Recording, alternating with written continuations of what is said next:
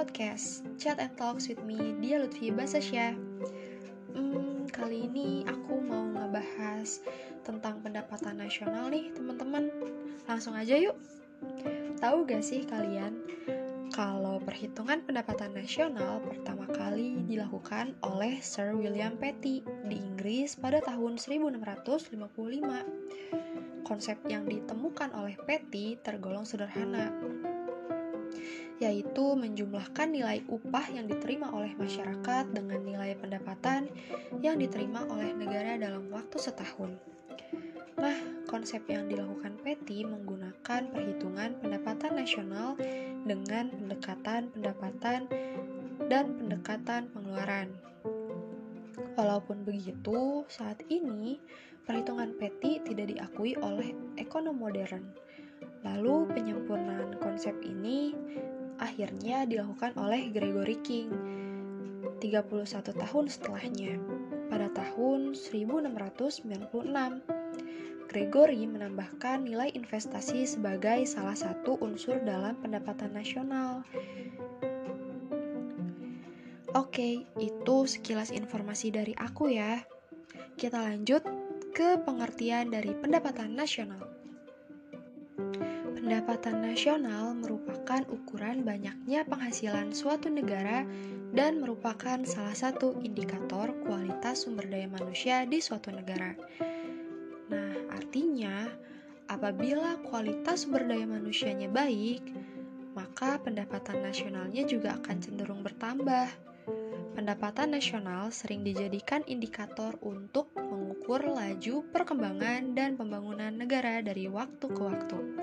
Sistem pendapatan nasional digunakan untuk mengumpulkan informasi penghitungan terhadap nilai barang dan jasa yang diproduksi oleh negara, nilai berbagai jenis pengeluaran atas produksi nasional, dan jumlah pendapatan yang diterima oleh berbagai faktor produksi yang digunakan untuk menciptakan produk nasional.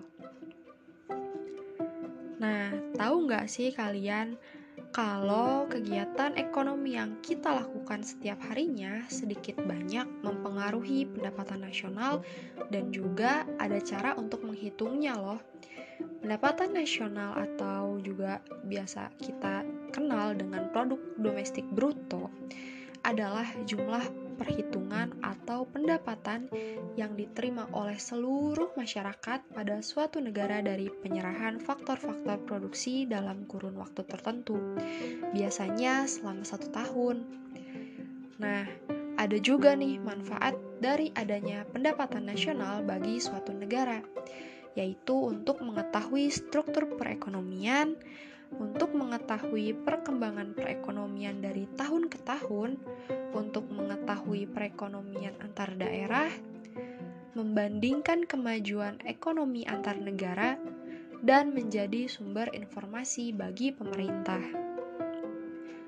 Maka dari itu, pendapatan nasional sangat penting bagi negara-negara lain, termasuk negara Indonesia. Selain itu, ada tiga pendekatan yang dimiliki oleh pendapatan nasional. Apa aja sih pendekatannya? Yuk, kita bahas satu-satu.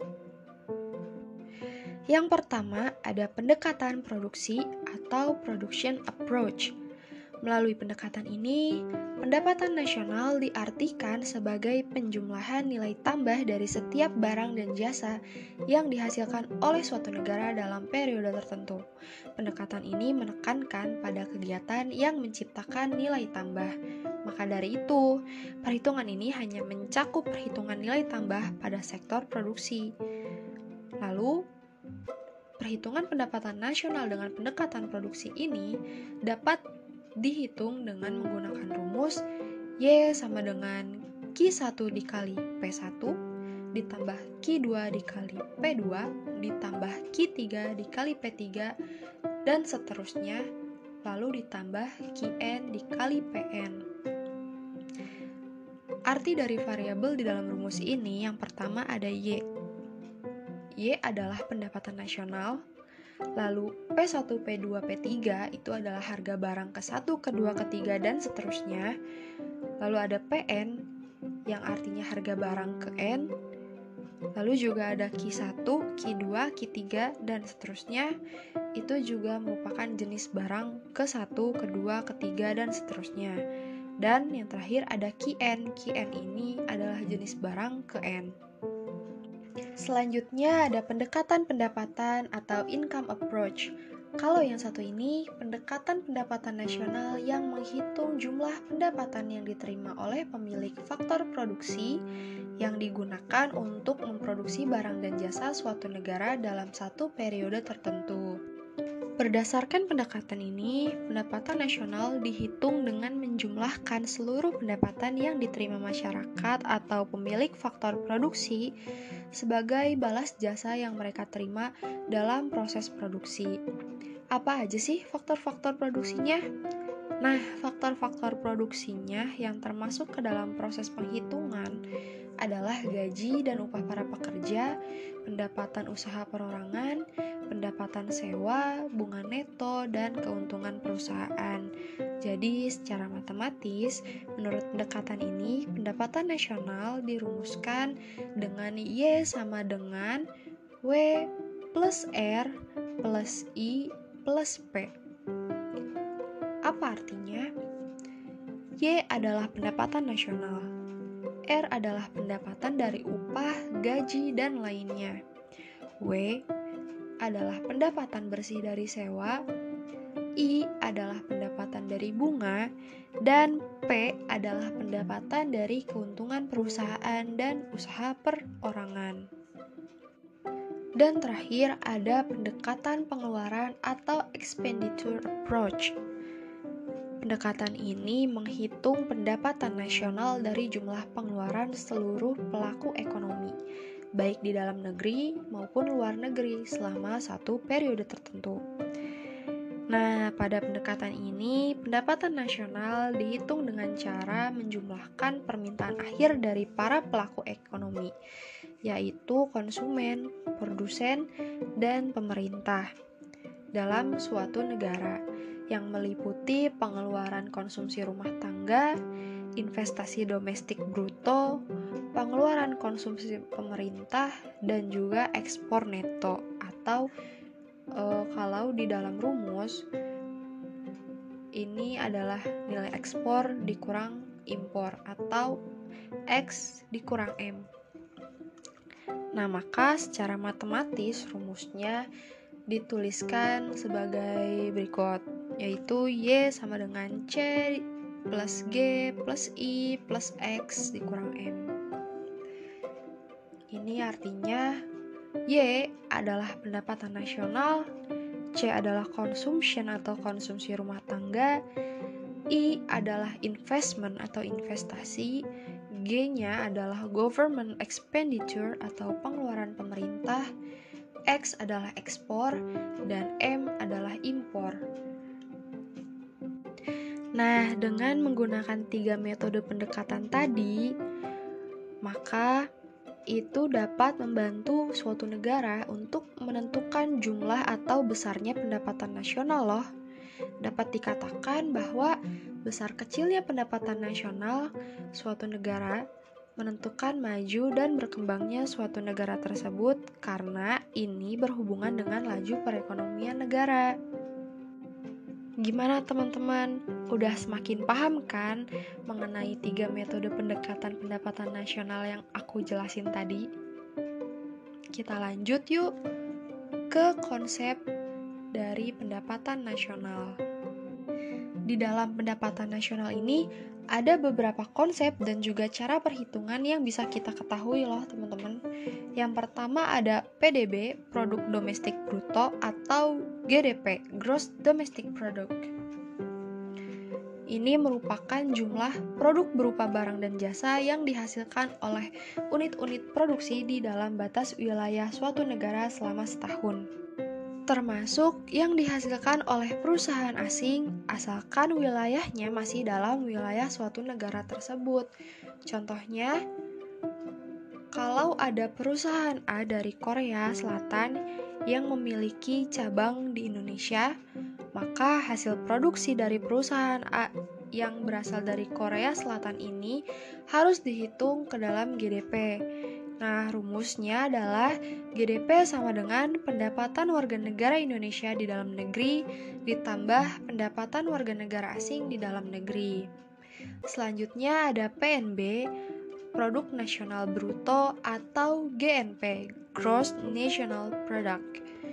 Ini merupakan nilai produk berupa barang dan jasa yang dihasilkan oleh penduduk suatu negara selama satu tahun termasuk yang dihasilkan oleh warga negara tersebut yang dihasilkan di luar negeri. Nah, contohnya itu misalkan seseorang pria atau wanita dari Indonesia yang menjual pakaian di luar negeri. Contohnya, dia berjualannya di Malaysia. Nah, hasil berupa barang dan jasanya ini termasuk ke dalam GNP. Tapi perlu diingat, kalau GNP ini menekankan pada aspek kewarganegaraan atau nationality. Rumus untuk menghitung GNP adalah GNP sama dengan GDP dikurang pendapatan neto atas faktor dari luar negeri. Lalu ada PNN, Produk Nasional Neto atau NNP, Net National Product ini merupakan hasil dari nilai GNP yang sudah dikurangi dengan penyusutan modal dalam proses produksi. Inti dari NNP ini merupakan konsep pendapatan nasional yang dilihat hanya dari laba yang diperoleh, karena tujuan dari NNP ini adalah untuk mencari neto atau nilai bersih dari suatu produksinya. Rumus untuk menghitung NNP yaitu NNP sama dengan GNP dikurangi dengan penyusutan. Selanjutnya ada pendapatan nasional neto atau NNI, Net National Income. Nah, kalau NNI ini menghitung pendapatan nasional berdasarkan jumlah balas jasa yang diterima oleh masyarakat sebagai pemilik faktor produksi. Untuk NNI ini rumusnya adalah NNI sama dengan NNP dikurang pajak tidak langsung ditambah subsidi.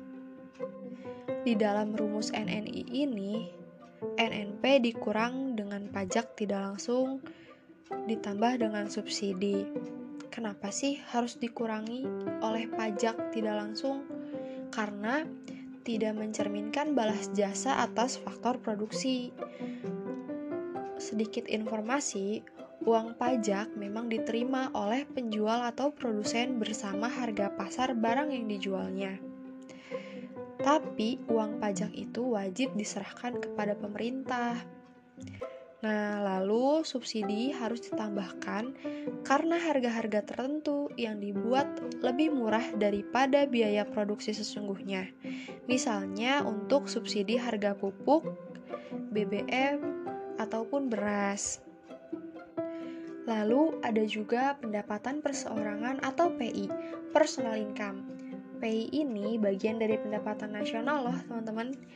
PI digunakan untuk menghitung jumlah pendapatan yang diterima oleh setiap orang, tapi harus dikurangi dengan laba yang ditahan, iuran asuransi, iuran jaminan sosial, dan ditambah dengan pembayaran pindahan atau transfer ke pemerintah atau biasa disebut dan dikenal dengan transfer payment.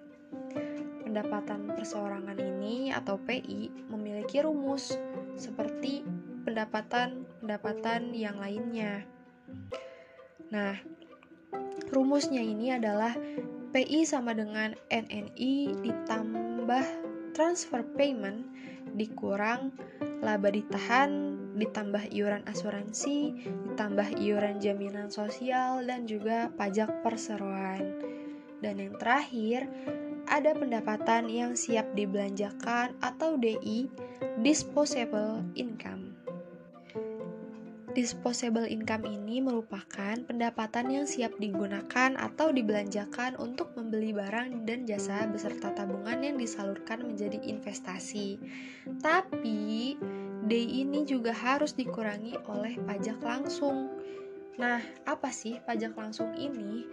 Pajak langsung ini adalah pajak yang bebannya tidak dapat dialihkan kepada orang lain. Contohnya, adalah pajak pendapatan.